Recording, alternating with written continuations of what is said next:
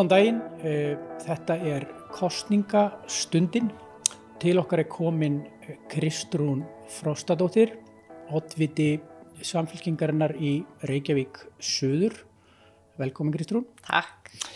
Eh, samfélkingin mælist með réttum rúmlega 12% fylgi samkvæmt síðustu skoðanakonunum hjá MMR og mælist með sjö þingmenn.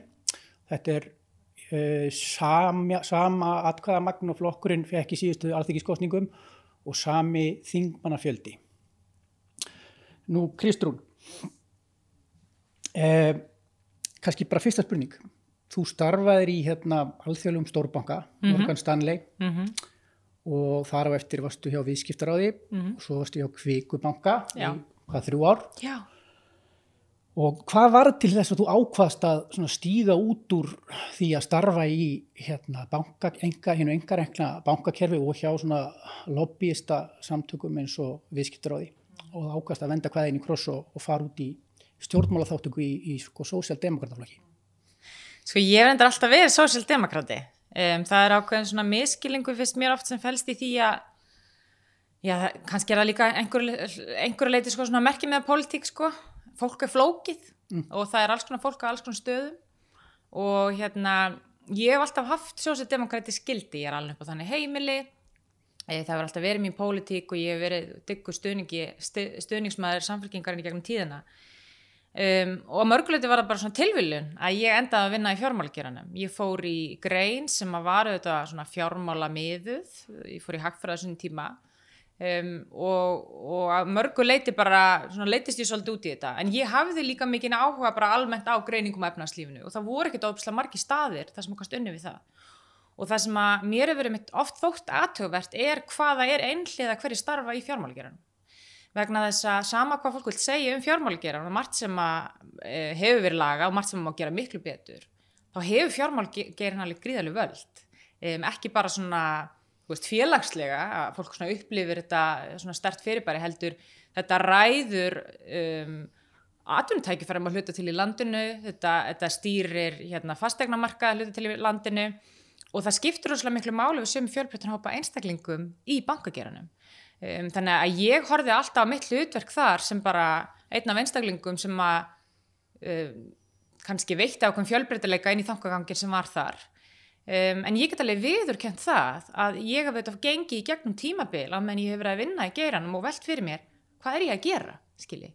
Hvað er ég að láta mína þekkingu uh, og, og, og, og hver er að hagnast á minni þekkingu? Uh, þegar ég var í námi í bandaríkinum þá var ég í svona hagstjórnanámi, svona policy námi og mikið af krökkurum í kringum mig og fólkin sem ég vann með var að vinna í svona non-profit, public policy eins og heitir á ennsku og það var alltaf vonin mín að fara út í eitthvað svona hagstjórnamiða, eitthvað greiningamiða en vandina var líka því ég kom heim að það eru bara mjög fá störf sem að, að þú getur gengið í það sem þú fer til dæmis í sjálfstæða efnarsmála greiningu og ætlar ekki að fyrir upp í háskólan.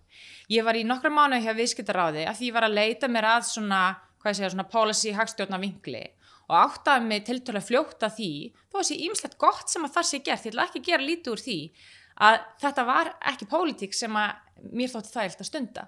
Um, ég var ekki sammála sumum línunum sem þar voru tekna og, og hef líka gegnum tíðan ekki verið sammála því að allir í viðskiptalífinu þurfa að vera hægri menn sósjaldemokrater trú alveg á markashagkerfi þeir trú bara á bl- blöndun á, á félagsöki í, bl- í blönd við markashagkerfi og þeir trúa líka og það er það sem að mér er mikið í muna að ræða um almennt við fólk á markasbresti markaður bresta og ég held að það sé mjög mikilvægt fyrir ymitt sósjaldemokrataflokka að hafa fólk innanbor sem hefur þekking á fjármálamörkuðum, hefur þekking ofta á orðræðinni sem ásist þar stað af því að oft er, er okkar skoðunum sem eru svona á vinstri vengnum svona svolítið bustað til hliðar á þeim forsendum að við bara skiljum ekki, vitum ekki, þekkjum ekki. Þannig að ég var líka að taka svolítið meðvitað ákverðin til settinni akkari og sagði bara, hefðu, ég ætla bara í frambóð, ég ætla fyrir samfélkinguna, ég er sósjaldemokrati og ég get sínt að þessi þekking hún getur leigið annar staðar en bara hjá hægrumönnum.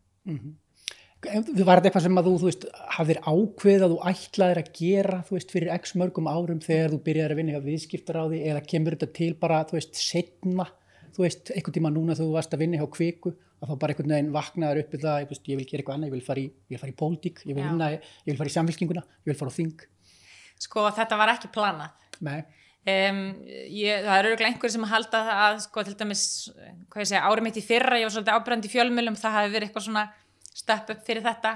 Þetta var í rauninni bara algjörlega tilfallandi eins og mjög margt sem ég hef gert í gegnum tíðina. Ég hef auðvitað alltaf haft ákveðna pólitískar meiningar en staðrindin er svo eins og þú kannski þekki sjálfur í þínu starfi að ég hef verið í hlutverki þar sem að þó kannski eitthvað af mínum skoðunum hafi leikið í gegn. Ég hef alltaf þurft að vera mjög hlutlaus sem gerði það að verkum að ég átti erfitt með að taka þátt í pólitísku starfi. Ég var kannski hvað virkust í bjó í bandaríkunum og þar vann ég mikið með fólki sem var í demokrataflokknum, mikið af, af, af uh, mínum samnemyndum og kennurum sem hefði verið virki, virki svona hagstjórnar fræðum og pólitíkinni þar. Um, og það er að mörgu leiti enn og aftur bara tilviljun að ég hafði ekki tekið þátt í pólitísku starfi fyrr áður en ég fór í þessa greiningavinnu um, hins vegar þá auðvitað blund, hefur þetta alltaf blundað í mér vegna þess að ég hef áhuga á þjóðmálum. Og ég áttaði mig líka á því í gegnum tíðina, líka því að ég var í náminu mínu úti að hagfræði hún er mjög pólitísk í eðli sínu og það er alltaf verið að stilla þér upp við vegg sko, og það er mjög þekkt úr mínum geira að sko, þú mátt ekki vera pólitískur. En ef þú ert sjálfstæðismæður þá ertu eiginlega ekki pólitískur af því að það er bara neginn svolítið svona default stemning fyrir því. Og ég áttaði mig líka á því bara, herðu, hvernig væri að ég myndi bara stíga fram um, sem bara stolt og jafnamaður og segja þetta er minn bakgrunnur, þetta er mín reynsla þetta gat ég, þetta voru mín tækifæri en nú ætla ég að taka afstöðu og gera það sem að sumir upplega sem er að fara eitthvað fórnir og fara í pólitík en ég upplifa það ekki þannig. Og rosalega margir sem sögðu við mig vá, þú veist, ert þú bara að skilja eftir þetta, hérna, þennan karriér hérna, ég var komin að eitthvað stiga mögulega búin að brenna eitthvað brýr. Ég upplifa það bara enga með þannig. Fyrir mér er þetta mjög frelsandi að geta komið út og bara talað um það sem ég er raunverulega að trúa og það sé ekki alltaf verið að pota í mig að það séu pólitískar meiningar í ákveðin hlutum En þú veist kannski langt svar við þessar stöðt spurninguðinni og við getum tekið heila þátt í þetta en auðvitað hafði það áhrif á mig staðan í fyrra. Ég meni ég held aldrei að ég myndi upplifa aðra krappu eins og 2008 á mínum ferli, ég var í námi þá. Og allt sem ég lærði í kjölfarið það litast alveg ofbáslega mikið af stöðinu bæði hér, Erlendis, hvað gert í Evrópu, Bandaríkinum og ég hefði leiði yfir þessu. Og þegar að aðgerðnar fór á stað stjórnvalda í fyrra ég sá hvað var að gerast hjá litlum fyrirtækjum, hvað var að gera, gerast hjá, hjá einstaklingu sem voru tekjuleysir og ég sá hverjir voru að taka yfir umræðina þá áttaði mig á því, herðu, ég verð að segja eitthvað, ég hef eitthvað trúverðuleika í þessu rými hérna, fólk á kannski ekki vonaði þetta komið frá mannesku í banka. Þá kannski tekur fólk aðeins öðruvísi markaði en ef það kemur frá ASI og þetta er mitt framlag. Og svo hugsaði ég ekkert út í hvað myndi verða úr þessu síðan bara leiðir það til þess að ég fæ svona ákveðna fylgjendur, það eru aðilar sem byrja að, að svona að toga í mig og síðan er bara haft samband við mig e, fyrir jól og, og ég spurð, herðu, nú er bara komið að þessu, heldur þú hafið hafið áhuga á að koma stígin, taka þátt í þessari kostningakönnun og ég ángurins, ég tók ákvörðun um þetta á hálftíma, skilji, og ég hugsaði bara, nú stend ég á ákveðnum krossgötum hérna, það er að hluta til verið að halda aftur af mér á bankarliðinni þú veist, akkur þú að tjáðu um atvinnleysismál, akkur þú að tjáðu um hitt og þetta? Og fólk kannski vildi ég myndi freka bakka. Og hér er hópar af fólki komin heim til mín bara bókstala fólk sem mætti að deragettin hjá mér og segir, haltu áfram.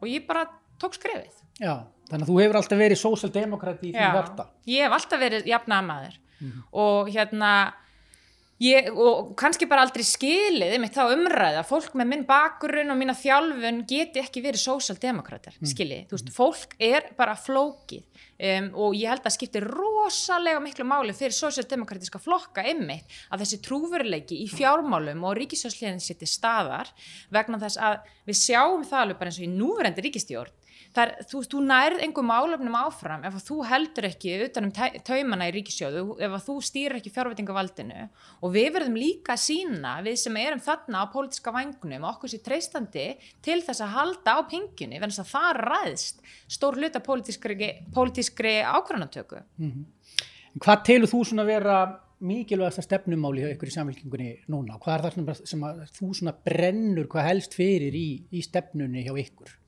Sko við hefum svona eiginlega tvískipt þessu þó að náttúrulega þetta vinnir saman. Við, við hefum talað um lífskjör og lofslagsmál um, og þó að auðvitað að lofslagsmálinn sé mér mjög mikilvæg bara eins og flestir sem er meðvitaður um lofslagsvanna um, þá get ég alveg sagt að svona lífskjara hliðin er kannski það sem ég brenn mest fyrir.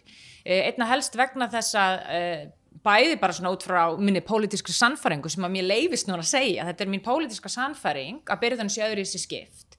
En líka af því að ég hef þekkinguna og ég hef séð hvert nútíma rannsóknir til dæmis í afnæsmálafræðum er að leið okkur sem sína að stert velferðarkerfi eh, stjórn eh, ríkisfjármála sem að fókusur á það að styrkja grunninn þannig við, við, við hérna, byggjum á sterkur grunni og vöksum upp í staðin fyrir að, að dreif ykkur hér ofan og það fallir niður það er framtíðin. Og þess vegna voru það sumuleiti svona ákveði vombrið því ég flutti heim á sín tíma og áttaði mig á því að þangagangurinn er ennþá fastur í ykkur svona 40 ára gömlum hagfræðikenningum. Þegar sko, heimurinn hann úti auðvitað var ég kannski partur af mjög litlum ring af fólki þegar ég bjóði bandringinum en öll nútíma efnaðsmála fræði hún er farin að vera miklu meira félagsíkju miðuð þannig að bæði fyrir mig sem bara svona sósjaldemokrati kjarnar þá er þessi lífskjara mál um að, að hérna, bæta kjör barnafjölskyldna að, að barnabætur sé ekki lengur bara eitthvað fátakarstyrkur heldur við horfum á þetta eins og hinn um Norðurlöndunum þetta er bara barnagreðslur þetta er bara skattalækkum fyrir barnafólk og leið til þess að auðvilda fjölskyldum í landinu um, bara að standa ströym að daglegum kostnaði. En svo líka það að mig langar bara áðbáslega mikið að færa pólitíkina inn á bara eins nútímalega svið og ég er hann svolítið þreytt á þessum frösum og klísjum og við höfum efnið og við, við erum flokkurinn sem hefur grunninn til að hlaupa áfram með þetta efni og það er ástæðan fyrir því að það er spennandi að vera í samfélkingun í dag. Taland um barnabænar, þið talið um að þið ætlaði að taka upp svona hérna norrænt barnabótakerfi eins og það er orðað í hérna stefnskráni hjá okkur. Já. En þú veist, þið gangi í raun og veru ekki eins langt og til dæmis ekki eftir svíþjóð, þar sem að sko, þar sem að barnabætur eru bara flatar og ekki tekjutengdar þetta fá bara, heldur, fylgja bara fylgja bara ákveðin upp að hverju barni óháð sko tekjum fjölskyldu hérna viðkomandi barns hvað mæli gegn því að ganga veist, það langt mm -hmm. í barnabótakerfinu hérlandi? Sko, kannski það eina sem mæli gegn því núna því að það sem við erum að tala um í kostningastafninu er það sem við ætlum að gera á næsta kjörtífabili mm. skilur, þetta er ekki ég hef gaggrind sem að flokka sem eru vinstra með við okkur, uh, já, lengra til vinstra við okkur að, að vera með stefnu sem er bara um útópiska sín ef þeir myndi ráða öllu og hvað getur gert á 30 ára tímbili. Við erum að segja þetta er ábyrg stefna í dag og við ætlum ekki að velda eitthvað vambriðum og þetta er partur af því að velja eitthvað þá slægi og þau skref sem við getum lofað. Þannig að staðnendin er svo ef við förum í að afnema alla skerðingar þá væri þessi pakki bara einfallega dýrari. Við erum að fara úr því að barnabætur uh, hætta að skerðast eða núna skerðast þar við 350.000 krónur um, sem er reyni bara lámarslaun og við ætlum að hækka það skerðinglautu allir upp í 600.000 þannig að þetta nálgist svona millitekju hópin af því að við vitum, það kostar 9 miljardar, við getum fundið þennan pening annars þar í kerfinu með að skatleggja eigna, eigna mikið fólk. Um, að lokum þá eru við og ég er mjög hrifin af til dæmis nálgunni í Svíþjóð af því að það er hugmyndafræðin svo að borga, allir séu að borga inn í samnæsluna og fá eitthvað út úr því og þannig tryggjur þessu sósildemokratísku gildi og við erum bara mjög ofinskóðum það. Þetta er bara pólitík, þú trúir á það að borga eitthvað inn í kerfið og svo eftir mismunandi tímbelinu í lífinu, eftir hvað þú stattur þá farið þau mismikið út úr því. Og það er ákveð að segja bara, þetta er styrkur með börnum, þetta er greiðslu með börnum og síðan jöfnum við þetta út í gegnum skattkerfið og svíjar eru bara með miklu þrepaskiptari tekið skattin við, þau eru með miklu herra efsta þrep, þau fara þá leiðina og það er leið sem að, á, á klárlega að skoða hér en það er flóknara fyrirbæri og, við, og sérstaklega á tímum sem þessum, þar sem hagkerfið er á viðkvæmum stað og við höfum talað fyrir því að við viljum ekki íþingja fólki, við viljum ekki eh, skapa einhverja of mikla viðkanni í kerfinu þegar við erum að vaksa upp úr þessu, að þá held ég að sé bara ekki skynslegt að fara í allt og miklar skattgerðsbreytingar núna, en það er hins vegar stórt skref að, að taka afstöðu sem við erum að gera með stórgumskattinum og segja bara, herðu, þannig peningin að finna við þetta er bara okkar skýra pólitík við viljum skipta byrjuðunum öðruvísi. Síðan til langs tíma þá vonandi getum við fært um, kerfið inn í svona jafnara form en við erum bara ekki sem samfélag komin ákað og við tel, tölum alltaf um að við séum svo mikið norrænt velferðarkerfi en við erum til dæmis bara ekki langt komin á í Svíþjóð. Það liggur alveg fyrir. Mm. talandum sko stóregnaskattin sem að þið eru að tala um, um það var settur hérna á auðlega skattur eftir hrun mm -hmm. sem var í nokkur ár, svo var hann afnuminn.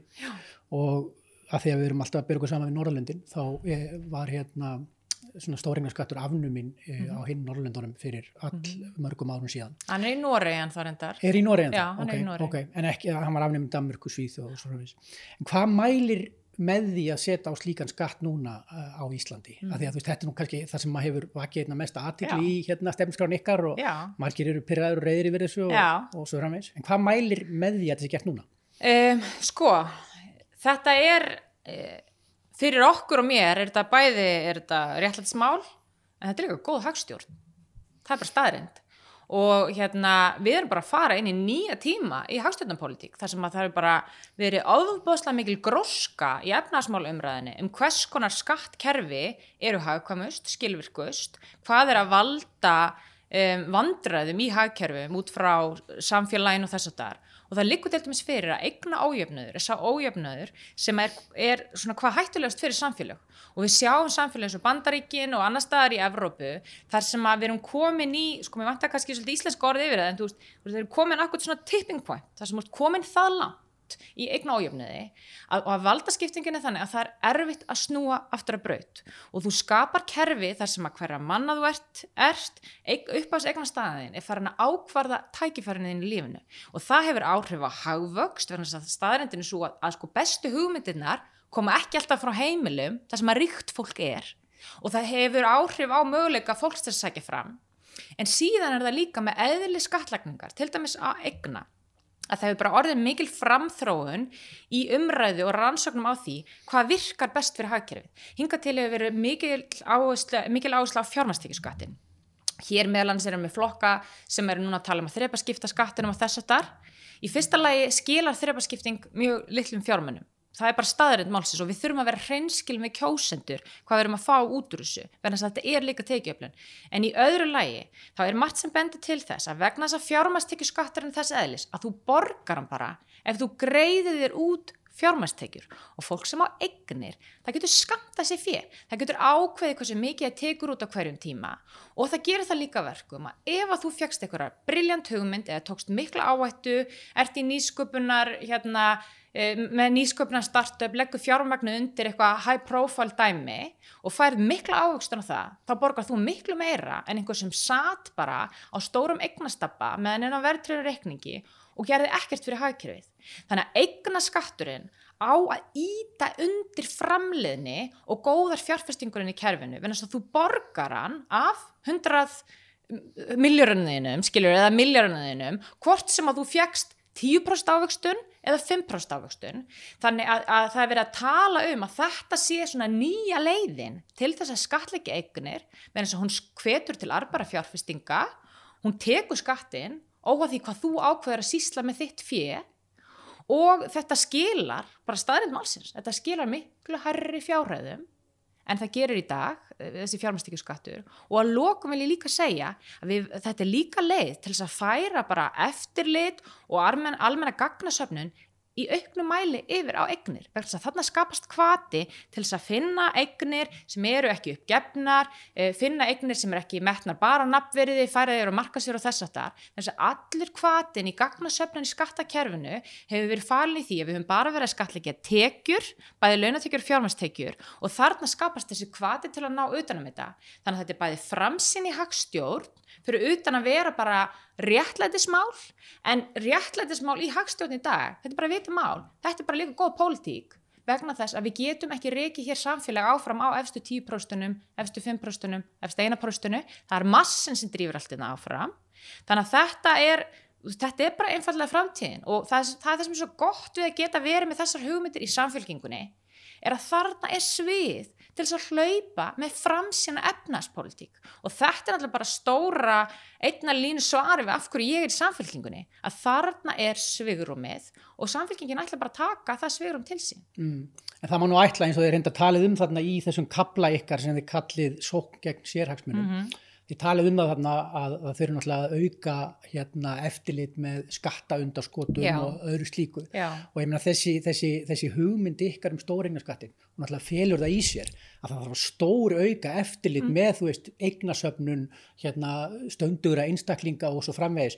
Og væntanlega þá þarf að, þú veist, að skoða, veist, hvernig eru menna bókfæra virði hlutabrefa og svo framvegis. Þú veist, er það bara á nafnvirði eða er það á markasvirði og svo framvegis. Allt þetta hlýtur að kosta mikla fjármunni, er það ekki rétt? Já, ég meina uppafskostnaðurinn verður eitthvað, mm. skiljur. En þetta er bara fjárfesting í skiljuverkara kerfi. Og þetta er ástæðan fyrir því að það skiptir máli hverju halda utan um fjárvitingavaldi að skilja, herðu, það er einhver uppafskostnaður við eitthvað. Fyrsta ári þá verður kannski nett og tekjurnar af þessum skatti ekki eins miklar og það er að verða á síðasta árinu, skilju. Vegna þess að við þurfum að koma okkur að stað. En ef við ætlum alltaf að vera á bremsunni, að þess vegna skiptir máli að vera með stjórnmálaflokka og fólk í frontinum sem að hefur trú á verkefninu og segir bara það þarf að fjárfesti í þessu, það þarf að breyta mindsetinu og ég meina við sjáum hvað okkur hefur tekist að gera með tekjuöflun til dæmis bara á launatekjuhliðinni. Ég meina fólk fer bara, þú veist, það er bara öllum gögnum hérna veittin í eitt kerfi, það er allt uppgefið. Það er engin ástæðin fyrir því að það hætti ekki líka verið þannig á eignarhliðinni. Þannig er framtíðin og við þurfum bara stjórnvöld sem er ekki hrætt við þetta en við vitum alveg það hefur bara ekki verið viljið þarna. Hjá fjárveitingavaldunum til þess að gera þetta. En þetta er bara fjárfesting sem að mun marg borga sig fyrir utan. Við verðum ekkert eiland með þetta skilji. það eru öll löndin í kringum okkur að velta þessu fyrir sér hvernig er þetta ná bet, betur utan um eignir einstaklinga og, og, og efna, efnara einstaklinga þannig að þetta er bara skrefin í framtíðina Mm.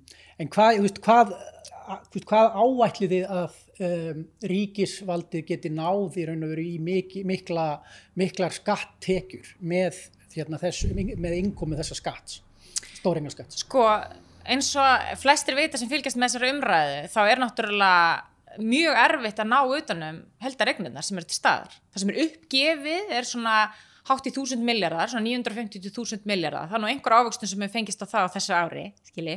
Við erum að stilla upp núna að vera með 200 miljón króna hérna, frítíkjumark. Þannig að það þýðir að svona 40% af þessari uppæð, 40-45% verður undanskili skilur, þannig að við erum kannski með 500-600 miljardar stappa sem við getum skattlagt sem er uppgefin 1,5% skattur á það er 9-10 miljardar og þetta er það sem er uppgefið. Þetta er ekkert umfram það þetta er það sem að við treystum okkur til þess að ná á fyrsta árinu. Hins vegar eins og ég sagði á það þá er þetta skref í þá átt að finna betri gögn hafa betri yfirsýn yfir hvað er í gangi aðna og við vitum öll að þessi tala, þúsund miljardar hún stendst bara engan veginn. Vegna þess að ef þú kefti bref í Marela 100 kall fyrir tíu áran síðan þá stendur allt, allt, allt er um stað með þetta í dag. Þannig að þetta er veist, þess vegna hefur nefnt legri mörkin svona í kringu 10 miljardarna það hafa heyrst tölur eins og hátt í 15 miljardar verðan þess að ég held að þessi, það er klárt mála að finna meiri peningarna Um, en þetta er grunnurinn sem við stöndum á.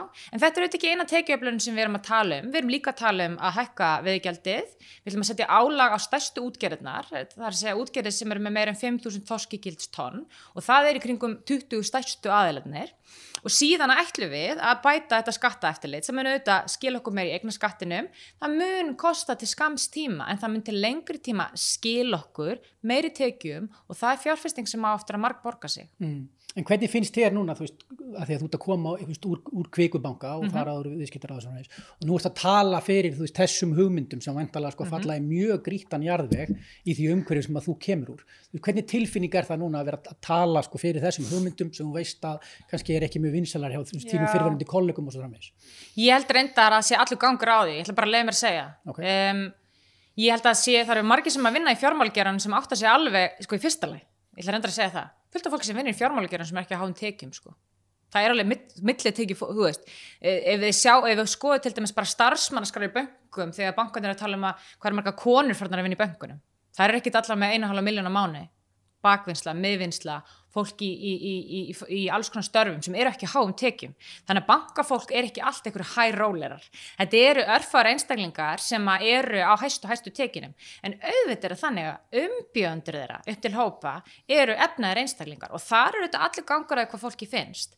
Um, en mér líður ekkert persónlega illa með þetta, þess að ég veit alveg hvaðan ég er að koma og ef ég veri sjálf þessari stöðu, þá myndi ég vilja borga meira til samfélagsins. Ég meina, ég er ekkert efnaðir einstaklingur en ég hef það mjög gott, ég hef haft það gott í gegnum tíðina og ég veit það, ég er meðvituð um það, ég er alveg upp í ofinbæra velferðarkerfi, ég kem að mjög hefbundinu heimili, ég öll mín réttindi og allt sem ég hef gert af mér hefur verið út af samfélaginu og það sem skapar lífskjör á Íslandi er ymmit þetta góða samfélag og ég held að lang flestir sem að eigi pening og eru efnaðir og eru með hausin á réttum stað, viti alveg að það er ekki gott að hér verði einhvers konar samfélagsróf því að mikið af þessum einstaklingum er líka að koma frá hóvarum bakgrunni, það gleymist líka. Mm. þannig að það er örugla það er örugla fólk að nóti sem er ósett við þetta sem er bara að horfa á sína mynd. En það sem ég er líka að tala inn í ekki það ég haldi ég geti endilega krakt í þau atkvæði, en það er veist, mín pólitík snýst ekki um það að stilla hér upp lína fólki sem er ríkt og taka það út. Það snýst ekki um það. Get, þér getur að hafa áskotnast peningur af alls konar ástæðum.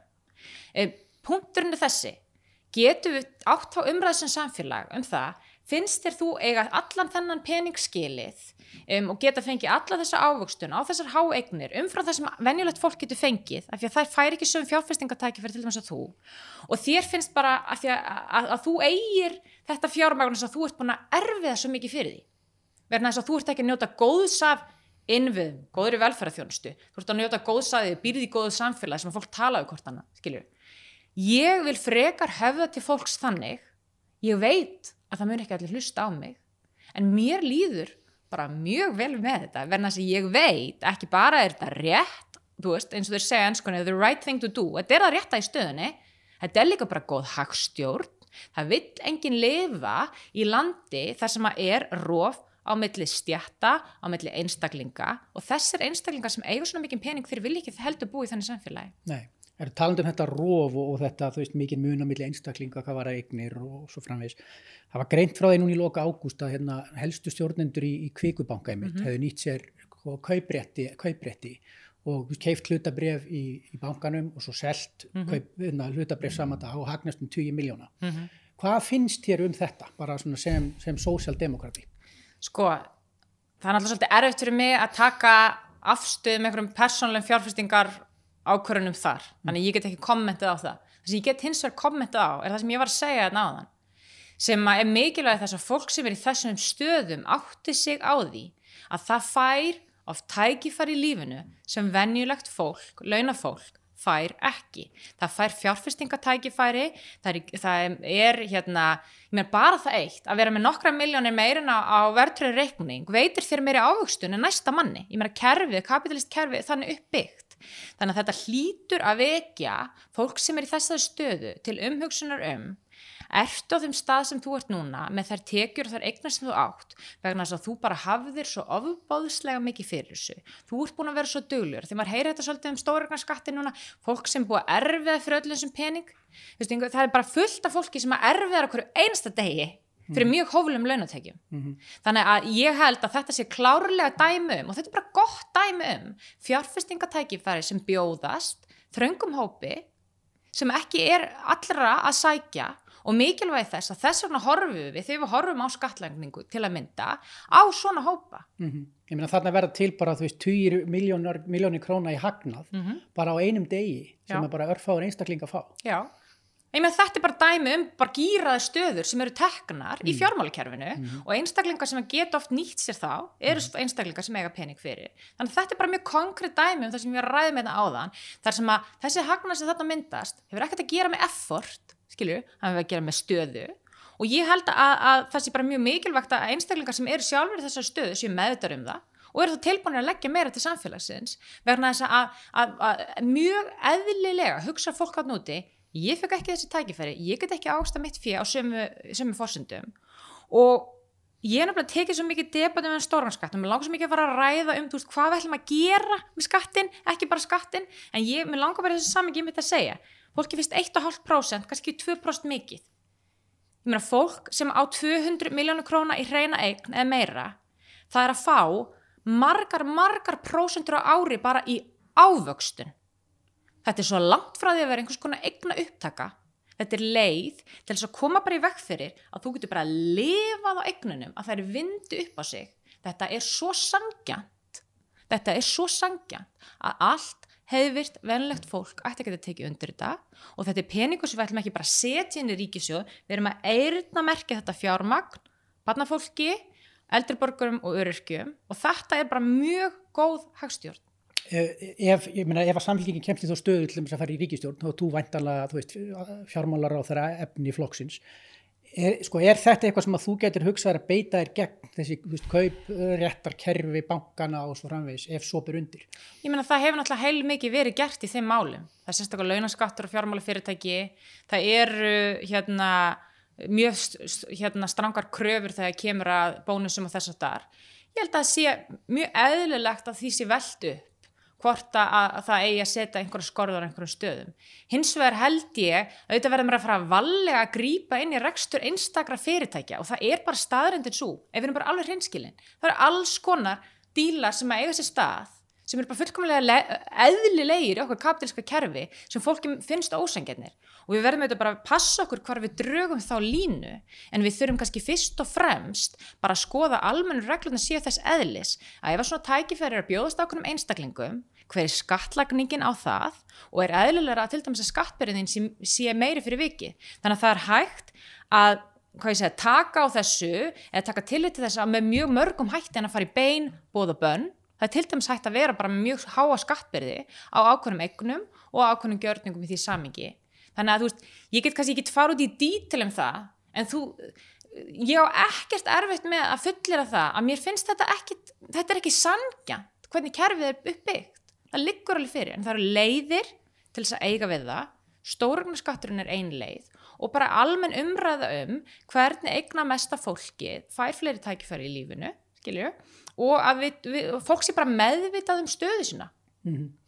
Sko varandi hérna, breytingar á kvótakerfunu þið, þið gangið ekki svo það langt í stefnusgráð ykkar að segja að þið ætlið að til dæmis að taka upp uppbóðsleið mm -hmm. á afla heimildum og svo framvegs heldur ætlið að skoða og kanna möguleika og svo framvegs. Þú veist, okkur á ef ég ætlum í skjósandi sem að, þú veist, ef ég vil breyta kvotakerfunu mm -hmm. með róttekum hætti mm -hmm. okkur á ég þá að kjósa samfélkinguna en til dæmis ekki viðreist sem er svona kannski með aðeins svona afdráttalöysari hugmyndir um það hvernig á að breyta kvotakerfunu Já, Þannig að þess að kostningarstefnun okkar er bara uppfylla punktum sem við telum okkur geta komið af stað strax og við tökum við.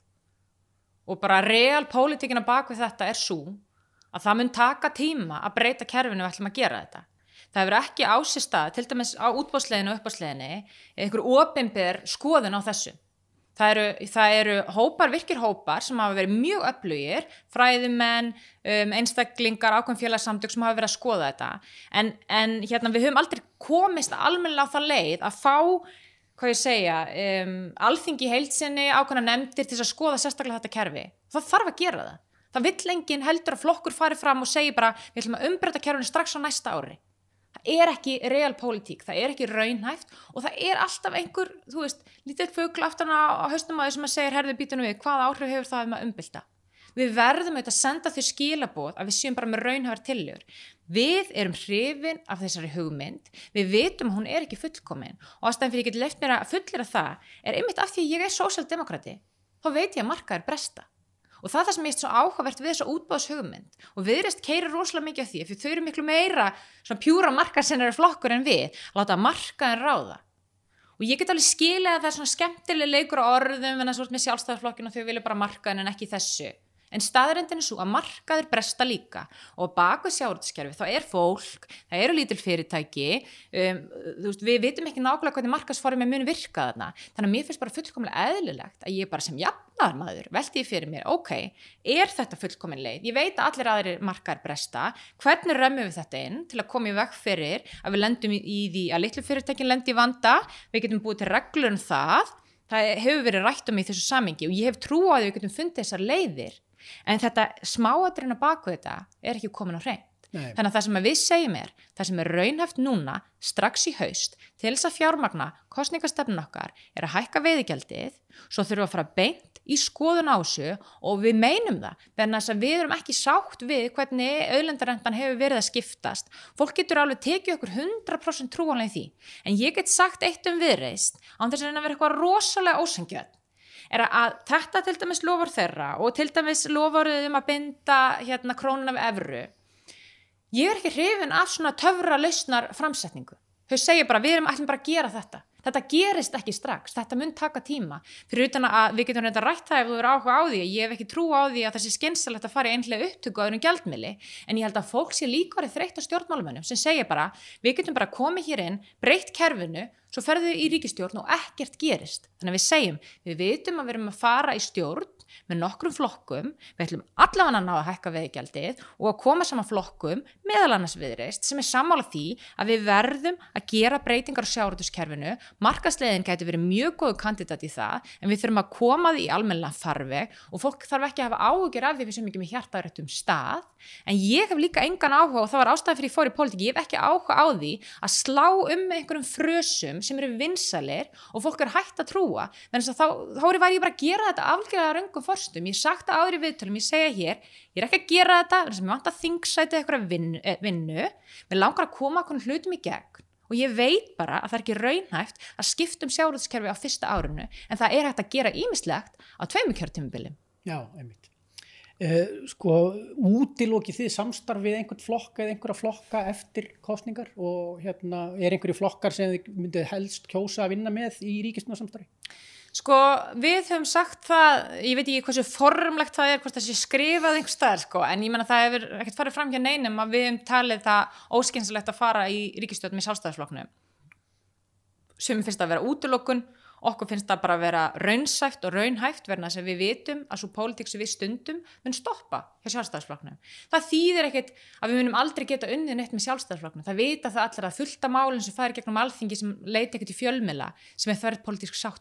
það en við viljum bara fara í ákveðna átt, við erum með ákveðna hérna, langtíma síðan þegar kemur lofslagsmálum, þegar kemur að skattkerfinu, þegar kemur að jöfnun byrði, barnafólki, eldrafólki, öryrkjum sem við vitum að verður vítuð hjá sjálfstæðisflokknum.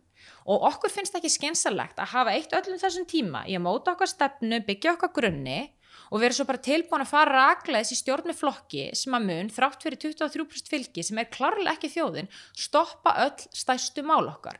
Og það gæti mögulega virkað á síðustu tveimur árum að vera með stjórn sem treyður svona svolítið marfaðan heldur hlutunum óbreyttum.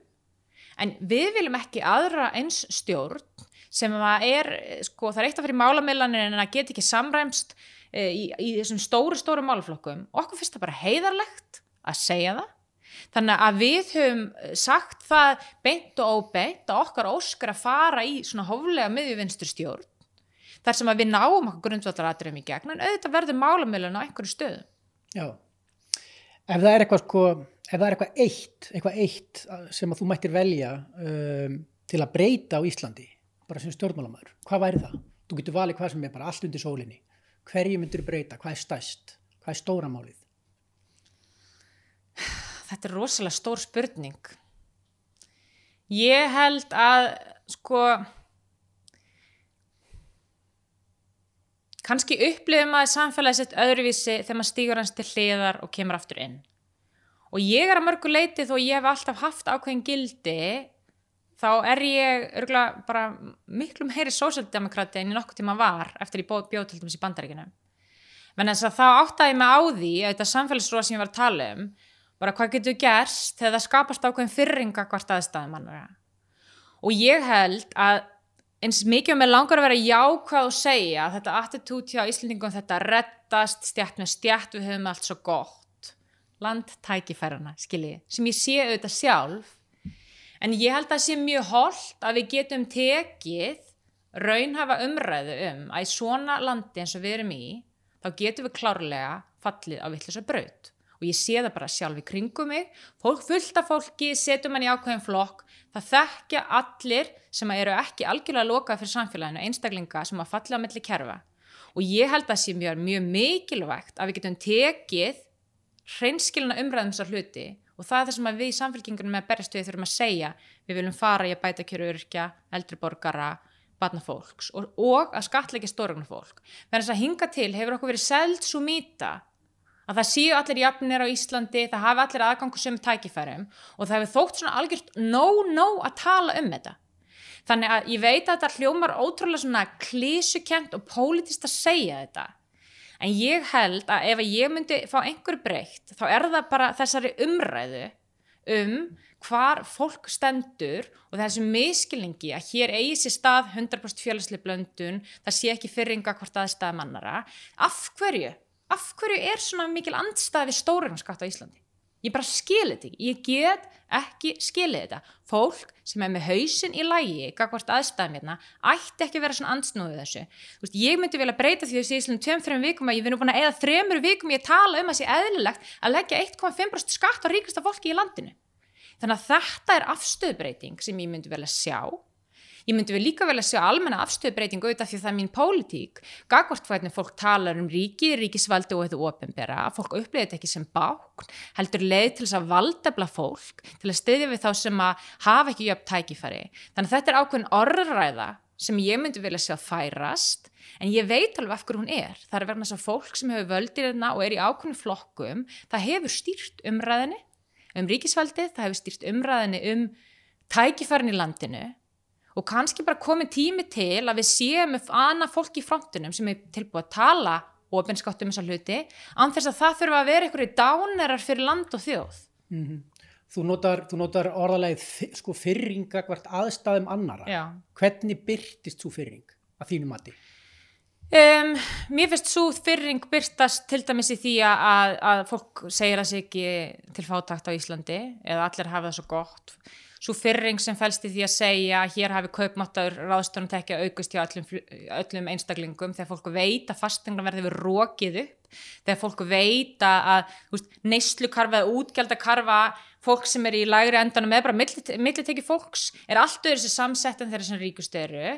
Svo fyrring sem að fælst í því og ég þekki manna best sjálf ég hef unnið með tölur allt mitt líf að vinna alltaf með framsetningu talna sem er í óhag þeirra sem að þurfa á aðstofa eða eitthvað styrkingu að halda og þeirri fyrringu sem fælst í því að stilla fólk yfir við veg sem að þarf kannski tímabundir fá aðstof frá ríkinu eða frá sveitifæli þess að þar að það sé að fá bætur, styrki að við séum búin að búa til svona ég hvað ég segja, svona ákveður svona trömpism að sko þegar kemur að því að þetta er svona eins og fólk sem er í, í, í, í læritekihópum sem að kýr sjálfstæðsflokki verður þess að einn daginn gæti það orðið ríkt skilji að þú getur ekki bara tekið við einhverju frá samfélaginu verðan þess að það er það sem að þú átt skilið sem samfélagsþeg og það sé einhvers konar skömm sem fælst í því.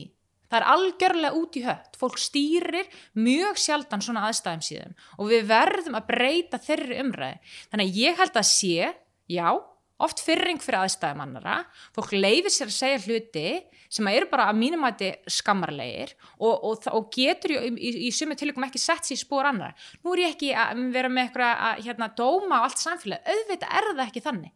Ég menna, megin þorri þjóðarinnar eru svona jafnaður menn í eðlisinu og þú bara talar um skoðanir fólks. En þessi orðræða er oft undir verðan þess að það er ákveðinu öll sem stýra orðræðinni og þetta er það mikilvægsta sem við höfum. Það er þessi samfélagskend, það er ástæðan fyrir gott að búa hérna, það er ástæðan fyrir að fólk þarf ekki að búa í, sam, í, í hverfum þar sem eru hlið, þar sem eru öryggisverðir þar sem þið þarf að líða illa þegar það lappar fram hjá, hjá fólki út á götu á hverjum degi, þetta eru ómetanlega óáþreifanlega gæði og fólk verður bara að hafa þetta í huga. Og bara með langar að segja eitt í lókjum þetta, þessi, þetta fyrringar orð það tengist líka þessar umræðum öfund kemur alltaf upp þessi umræðum öfund að við bara öfundum fólk sem eigi pening. Já, þeir sem gaggarina...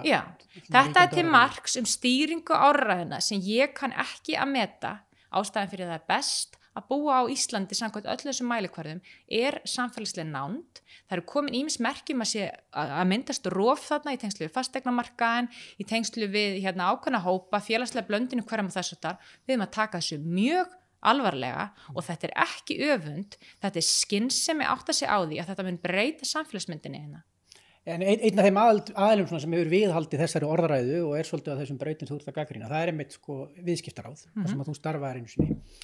Uh, þú veist, finnst þér skrítið að einhver sko tortryggi þig mögulega út af sko þínum bakgrunni þar meðal annars og í bankakerfinu? Nei, mér finnst það ekki. Mér finnst það bara mjög skiljanlegt. Það er bara fullt af fólki sem þekkir mig ekki, veit ekkert hvað mann skilja að geima og ég meina ég á ekkert, það er engin mannréttind að bjóða sér fram á þing. Það er ekkert sjálfgif að ég lappi hér inn og fá bara eitthvað drauðan dreigil og mér sé bara tekið opnum örmum, skilju ég get alveg sagt við þig og fleiri en inni að ég sé að gera þetta réttum forsundum og ég sem er hjarta á réttum stað og allt þetta. En ég meina ég þarf þetta bara að vinna mér inn á hvaðið tröst það þýðir ekki að ég eitthvað skammist mér fyrir bakminn, alls, alls ekki. Ég er manneskjan sem ég er í dag með mína skoðanir, mína þekkingu, hæfileika, heimsmynd, af því ég verið á öllu þessum stöðum. Og það er líka frábært fólk sem hefur verið á viðskiptaröðu gegnum tíðina. Verið, veist, það þýðir heldur ekki að brenni merkja fólk sem hefur verið að vinna í krafti ákvæmna að afla á þess að þar það er líka fullt af fólki sem vantar bara að vinnu, skiljur, er að vinna sína daglegu vinnu og við verðum að passa upp á þannig, þá líka við bara allstaðar í samfélaginu. Og sko ég veit að Íslandingar eru ekki þess eðlis að eru svona svart hvítir. Ég meina, flestir vinna einhver starf þar sem er einn ofnbær starfsmæður, einn og einhver reknu fyrirtæki, við lifum bara í blöndum heimi, skiljur. Þannig að ég skil þetta, ég er bara alveg tilbúin að taka spurningum, ég teki fullt að því gegnum tíðina, en ég meina þetta er bara það sem fylgir því að fara og stíga þetta skref og, og hérna, það bara tekur tíma að vinna sér þetta tröst og ég er bara alveg til í að gefa fólki smá tíma Ertu, ertu loka spurning Ertu komin í stjórnmálinn til að vera? Ætlar að verða svona karriérpolítikus? Það var ekki planið Nei. Ég hef ekki hugmynd um hvort þetta var eitt kjörtumbil eða fjögur um, eins og spurðum hérna í byrjun þetta er ekki eitthvað plan sem ég er búin að teikna upp, eitthvað tíu ára plan Um, ég held ekki að ég erði hér í dag fyrir nokkrum mánuðum síðan. Um, ég held að sé einmitt mjög holdt að við upplifum að fólk geti farið inn og út af pólitík, að þetta sé ekki bara vinna um, og eitthvað markmið að ná einhver stöðu, einhver ráðra titli, einhver þingsæti, þess að við viljum líka hafa þekkingu við þar að, það skapar líka kannski minni tortrygni að fólku upplifi, herðu, hér kemur einn manneskja sem hefur valkosti annar starf, velur að fara hér inn, hefur síðan kannski valkosti setna og það er fullt af svoleiðs fólki að núti og ég get alveg sagt við þig að það var mikið fólki sem hafi samband við mig eftir ég steg fram og ákvað fyrir frambóð að segja mikið þátt mig gott að sjá þig faraðan inn það veitir mér eitthvað að trúa að það sé kannski fleiri einstaklingar með þannig bakurinn úr öðrum geirum þarna sem getur komið inn. Það þurfu ekki allir að hafa alist upp í ungleðstarfi það þurfu ekki allir að hafa verið ótrúlega virkir út af við. Fólk er pólitist í aðli sínu þó það upplýða kannski ekki daglegu lífi. Það er rosalega mikil þekkingan úti sem á að fara inn á þing. Ég hef ekki hugmyndum hvað minn gerast en ég hafði ekki hugmyndum að ég erði hérna, hvað þá ég væri, hefði farið til bandaríkjana, verið í böngunum, gerði alla þessa hluti. Ég ætla bara að vera hérna á meðan ég læti eitthvað gott að mig leiða, á meðan ég er ekki alveg fyrrt fyrir aðstæðum mínum og tímapunkturinn þar sem ég bara farin að kampæna og er í frambóði til þess að halda vinnunum minni, þá veit ég að þetta er búið sko. Herðu, Kristrún Frostadóttir, takk hjálpa fyrir komina. Takk.